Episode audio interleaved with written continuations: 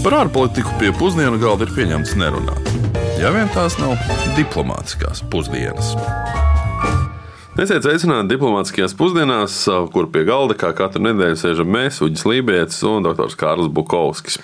Šodien mūsu ceļu vedīs uz pasaulē piekto apdzīvotāko valsti. Sveiki! Jā, dosimies mēs uz valsti, kurā ir starp 225 un 240 miljoniem iedzīvotāju, kur ir viena no ietekmīgākajām un nozīmīgākajām tuvu austrumu valstīm. Arī tādēļ, ka tā ir viena no tām, kur ir bruņota ar kodolieročiem. Un runa, protams, ir par Pakistānas Islāma Republiku. Ne tikai tās izmēra dēļ, bet arī tās teritorijas ilgās vēstures un arī mūsdienu ģeostrateģiskā nozīmīguma dēļ. Nu, kaut vai ja mēs ņemam vērā pēdējos notikumus arī kaimiņu valstī Afganistānā. Nu, mūsdienu Pakistānas teritorijas vēsture ir visnotaļ iespaidīga. Tā ir bijusi daudz impēriju un civilizācijas sastāvā. Nu, runa ir par Indas ielas civilizāciju, gan arī par Maķedonijas Aleksandra impērijas daļiņas būšanu, gan arī Ahamenīdu, jeb pirmās persiežu impērijas sastāvdaļa, gan arī Sihu impērijas sastāvdaļa. Tās vēl tās, kuras daudzās, kas vēl nav nosauktas. Protams, piedzīvojas arī arābu kultūras uzplaukumu un arī bijusi Britu impērijas sastāvdaļa vēl pavisam relatīvi nesen. Jā, Pakistāna neatkarību tieši no šiem kolonizatoriem ieguva arī līdzās daudzām citām pasaules valstīm 20. gadsimta dekolonizācijas periodā, 1947. gadā, vienlaikus arī ar Indijas neatkarības atgūšanu. Indijas neatkarības rezultātā atšķirās arī musulmaņu Pakistāna kā pastāvīga valsts, un, un kā jau daudzas vietas pēc otrā pasaules kara un arī dekolonizācijas procesa rezultātā arī Pakistāna un Indija piedzīvoja nu, milzīgas migrācijas plūsmas. Protams, cilvēku pārvietošanās, kas nevienmēr bija gan, gan bez nelaimēm, gan bez daudz cilvēku bojājas. Nu, visu šo procesu rezultātā mums pasaulē ir arī valsts Bangladeša un arī strīdīgais Kašmīras reģions, ko pārvalda Indija, Ķīna un Pakistāna kopīgiem spēkiem. Jā, Kašmīras stāsts noteikti ir atsevišķi raidījumu vērts gandrīz.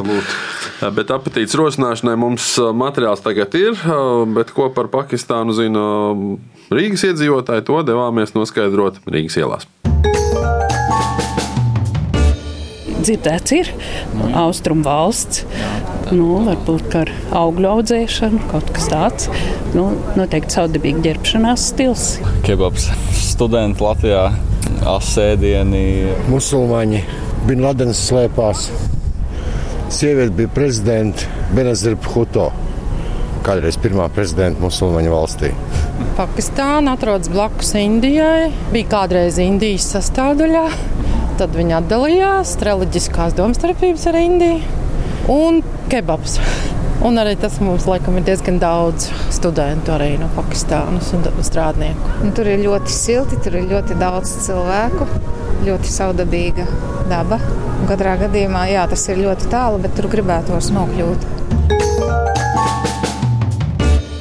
Pakistānas sabiedrība un kultūra visu vēsturisko procesu ietekmē, nu, kā var nojaust, ir visnotaļ daudzveidīga.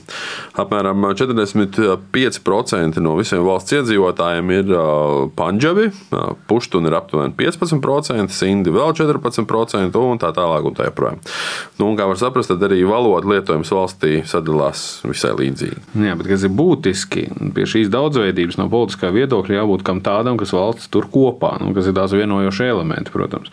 Un pirmais vienojošais noteikti ir angļu valodas lietojums, kā valsts oficiālās valodas lietojums. Jā, kā oficiālā valoda ir arī urdu valoda, kura ir indoāriešu grupas un, un, un tiek nereti dēvēta par persiešu pārveidotu hindu valodu. Bet, nu, tur jau labāk droši vien izskaidros kāds valodnieks, ne gluži mēs. Bet no politiskā viedokļa šī ir vēl viena valsts veidojošana, arī sabiedrība vienojošā iezīme. Proti, nu, tiekties veidot savu, nevis paturēt bijušo kolonizatoru lietoto, nu, pat ja tas būtu tā kā ērtāk. Nu, bet otra un nozīmīgākā Pakistānas sabiedrība vienojošā lieta, protams, ir islāms. Ap 85% Pakistānas iedzīvotāji ir sunīti musulmaņi, varam 10% ir šīti musulmaņi, un citas reliģiskās grupas veido vienu atlikušos 5%. Un tieši musulmanisms ir tā centrālā lieta, kas tur kopā, nu, vai vismaz ar kuras palīdzību tiek mēģināts turēt kopā un organizēt Pakistānas sabiedrību. Um, ja mēs runājam tieši par islāmu, tad tas Pakistānā ienāca ar iekarotājiem um, mūsu ēras 1711. gadā. Un, kas ir interesanti, arī modernās Pakistānas valdība šo gadu arī datē kā Pakistānas izveidošanas gadu. Nu, vienlaikus pats vārds Pakistāna radās tikai 19. gadsimtā, un mūsdienu Pakistānas izveidē lielu lomu, protams, spēlēja nu, jau iepriekš minētā arī Britu impērija. Bet līdz pat 1839. gadam, kad ar ostas pilsētiņas Karači pilsētas iekarošanu sākās, Pakistānas teritorijas pakļaušana, Eiropieši nu, nebija ieguvuši nozīmīgu un paliekošu ieteikumu Pakistānas teritorijā. Nu, Tagad arī vienlaicīgi jāpiemina, ka mūsdienās Karači jau ir lielākā pilsēta Pakistānā un arī 12. lielākā pilsēta pasaulē ar vairāk nekā 15 miljoniem iedzīvotāju. Galvaspilsēta gan ir Islamabada, kas ir viena devītā lielākā pilsēta Pakistānā, tas arī ir daudzām valstīm raksturīgi, ka nebūtu lielākās pilsētas, ir arī galvaspilsēta. Nu, tieši tā, bet vienlaicīgi, protams, jāņem vērā, ka Pakistāna ir liela valsts un liels valsts pārvaldībai nepieciešami arī resursi. Nu, sevišķi, ja tā ir tik daudzveidīga kā Pakistāna. Nu, līdzīgi tāpatās kā savulaik darīja arī dažādas impērijas, kuras ir valdījušas Pakistānas teritoriju, nu, tad valstīs, kurās ir vērā ņemams etniskās reliģiskās, kultūras, lingvistiskās un domu dažādības, nu, ir savi izaicinājumi ar šķeltniekiem, ar atsevišķiem grupējumiem un arī pašdarbniekiem. Um, Pakistānas iekšpolitika un ārpolitika ir pat ļoti savijušās, jo valsts bieži vien tiek uh, vainota teroristu netieši atbalstīšanā vai bezdarbībā, to apkarošanā. Un 11. Uh, septembra kontekstā mēs noteikti varam pieminēt bēdīgi slaveno grupējumu Al-Qaida un pēdējo nedēļu laikā īpaši daudz pieminētu arī Talibanu. Jā, nu saudabīgi gan, ka Taliban ir vainīgi arī pie fakta, ka Pakistāna var lepoties ar pasaulē jaunāko Nobel prēmijas ieguvēju. Malala Jusafzai Nobel prēmiju par cīņu par bērnu un konkrēti meiteņu tiesībām uz izglītību ieguva 17 gadu vecumā. Tas notika 2014. gadā. Viņu sieviešu nīdēju grupējumu Taliban locekļi sašāva 2012. gadā, cenšoties nogalināt viņu par blogiem, ko Malala bija rakstījusi kopš 11 gadu vecuma par meiteņu iespējām izglītoties Pakistānā. Jā, šis apzīmējums, sieviešu nīdēja grupējums, tas laikam ir visai precīzs. Jo, nu, jā, iespējams, ka talibi arī pat neko labāku nav pelnījuši. mm -hmm. bet, mhm. Nu, bet, kā zinām, tad uh, Taliban šobrīd uh, biežāk dzirdam saistībā tieši ar Afganistānu. Nu, tāpēc par Afganistānas talibu situācijas ietekmi arī uz kaimiņu valsti Pakistānu mēs lūdzām komentēt atvaļinātam Latvijas armijas pulkožu leitnantam un arī politikas doktora zinātņu kandidātam Rīgas Stradiņu universitātei Huģim Romānovam. Manuprāt, viens no galvenajiem riskiem, kas radies Pakistānai pēc tam, kad talibi pārņēma varu pār Afganistānu, ir saistīta ar pilsoņu kara iespējamību Afganistānā. Sākoties pilsoņu karam Afganistānā, Pakistāna saskarsies ar bēgļu problēmu. Jau šobrīd Pakistānā ir iespaidīgs daudzums afgāņu, kas izmitināti bēgļu nometnēs Pakistānā. Ziņas par bēgļu skaitu ir dažādas. Avoti piedāvā no pusotra miljona līdz trīs miljoniem bēgļu, kas izvietoti nometnēs Pakistānā. Jaunu bēgļu plūsma negatīvi ietekmēs valsts drošību, ekonomiku, kā arī valsts sociālo sektoru. Otrakārt, pastāv risks, ka pilsoņu karš no Afganistānas varētu pārcelties uz Pakistānu. Šis, manuprāt, ir bīstamākais, taču vienlaiks arī salīdzinoši iespējams scenārijs. Pakistānas talibi varētu būt viegli motivējami, eh, sekot ziemeļu kaimiņu, piemēram, turklāt talibi pārņemot kontroli pār Afganistānas teritoriju, dod iespēju Pakistānas talibiem brīvi izmantot Afganistānas teritoriju pārapgādē un neorganizāciju. Citiem vārdiem viņi ir ieguvuši operacionālo dziļumu, kas ir būtisks priekšnosacījums veiksmīgām militārajām operācijām. Vienlaicīgi Pakistānas valdība pozitīvi vērtē notikumus Afganistānā, un visticamāk šī attieksme ir saistīta ar pieņēmumu, ja talibi kontrolēs Afganistānu, pilsoņu kara iespējas būs ierobežotas. Savukārt sadarbība ar ASV no valdības puses tiek pasniegta kā neiespējama, jo ASV aģentūra ierēģiņu un militāru personu klātbūtnē Pakistānā varētu provocēt agresijas no talibiem, tādējādi kompromitējot drošības situāciju. Summējot, Un tādā plašākā kontekstā ASV karaspēka izvešana no Afganistānas ir radījusi situāciju, kurā ietekme pār notiekošo reģionā uz nenoteiktu laiku gan ir pārgājis no globāliem uz reģionāliem spēlētājiem. Pakistāna visticamāk mēģinās šo situāciju izmantot, lai palielinātu savu ietekmi reģionā, kā arī uzlabotu valsts drošības situāciju. Uģis jau tikko, nu, otrs Uģis, intervētais Uģis jau tikko izstāstīja, kā Pakistānas drošībai draudus rada tās viena kaimiņu valsts, Afganistāna šajā gadījumā. Bet kopumā gan varētu teikt, ka Pakistānas ārējā un drošības politika virza arī konflikts ar Indiju. Abas valsts ir tādā klasiskā starptautisko attiecību situācijā ar nosaukumu drošības dilemma, jeb security dilemma. Un situācija visnotaļ vienkārša. Viena valsts sāk bruņoties, lai aizsargātos no otras. Otra tikmēr to redz un sāk audzēt militāros muskuļus, lai neatpaliktu. Pirmā savukārt, redzot otrās centienus neatpalikt, cenšas to pārspēt. Nu, tā šis cikls turpinās līdz, līdz karam vai arī līdz naudas izsīkumam.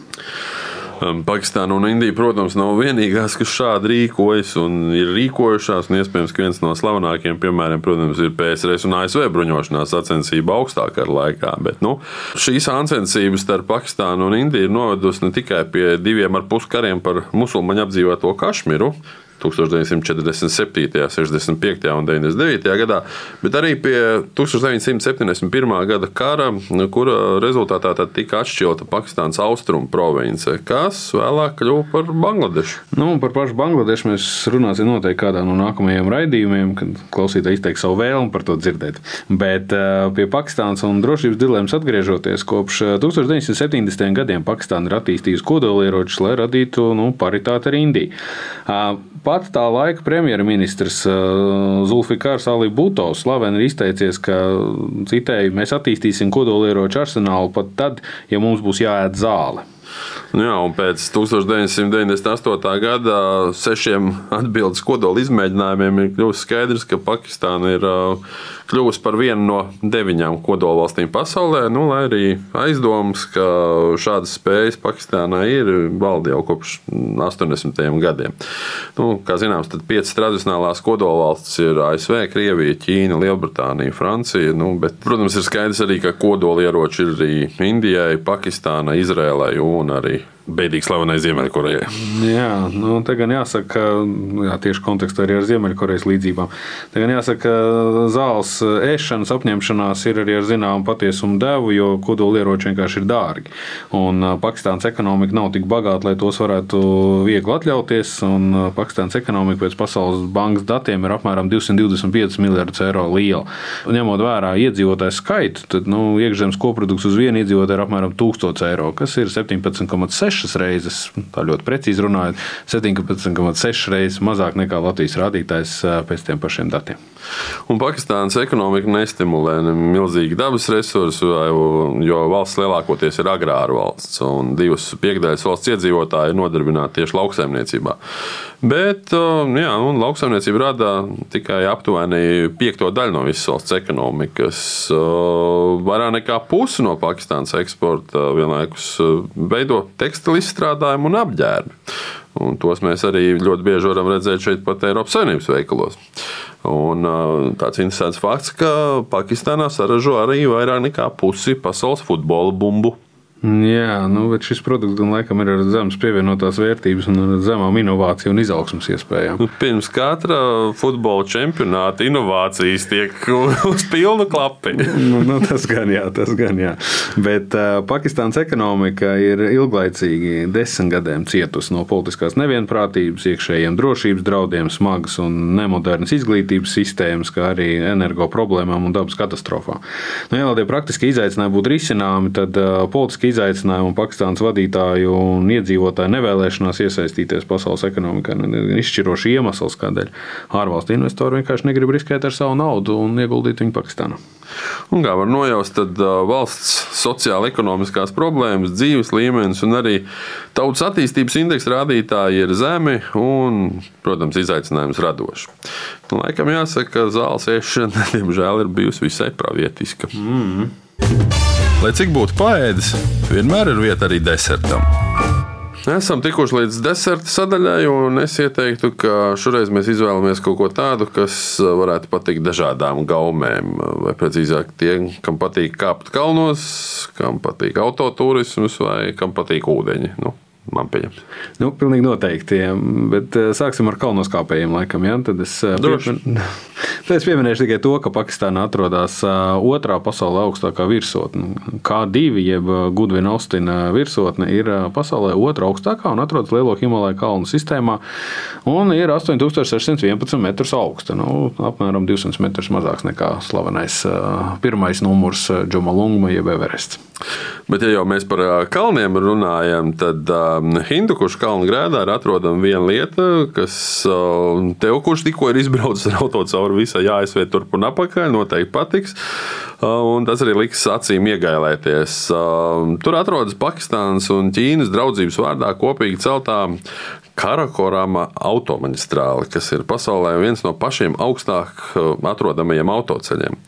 Tas ir 1300 km garš līkumots ceļš un pamatīgs turisma magnēts. Jo vēl pavisam nesen apmēram 2 miljonu turistu apmeklēja Pakistānu. Tostarp runā, ka tieši šī pasakaina skaistā kalnu ceļa dēļ. Un to pat nereti dēvējot arī par astoto pasaules brīnumu. Pašu savienojumu starp valstīm tiltu un tuneļu formā, ko mm, pabeidz relatīvi nesen, izmaksāja arī nu, astotā pasaules brīnuma cienīgu summu. Uzmanību 250 miljonus eiro. Miljonus, nevis miljardus. Jā, šis man, šis man tiešām sāk radīt vēlmi meklēt biļetes uz Pakistānu. Bet es arī to pa prieku vienu lietu pastāstīšu, ka Pakistānā ar Ķīnas palīdzību un interesi, protams, atrodas arī viena no pasaulē lielākajām dziļjūras ostām.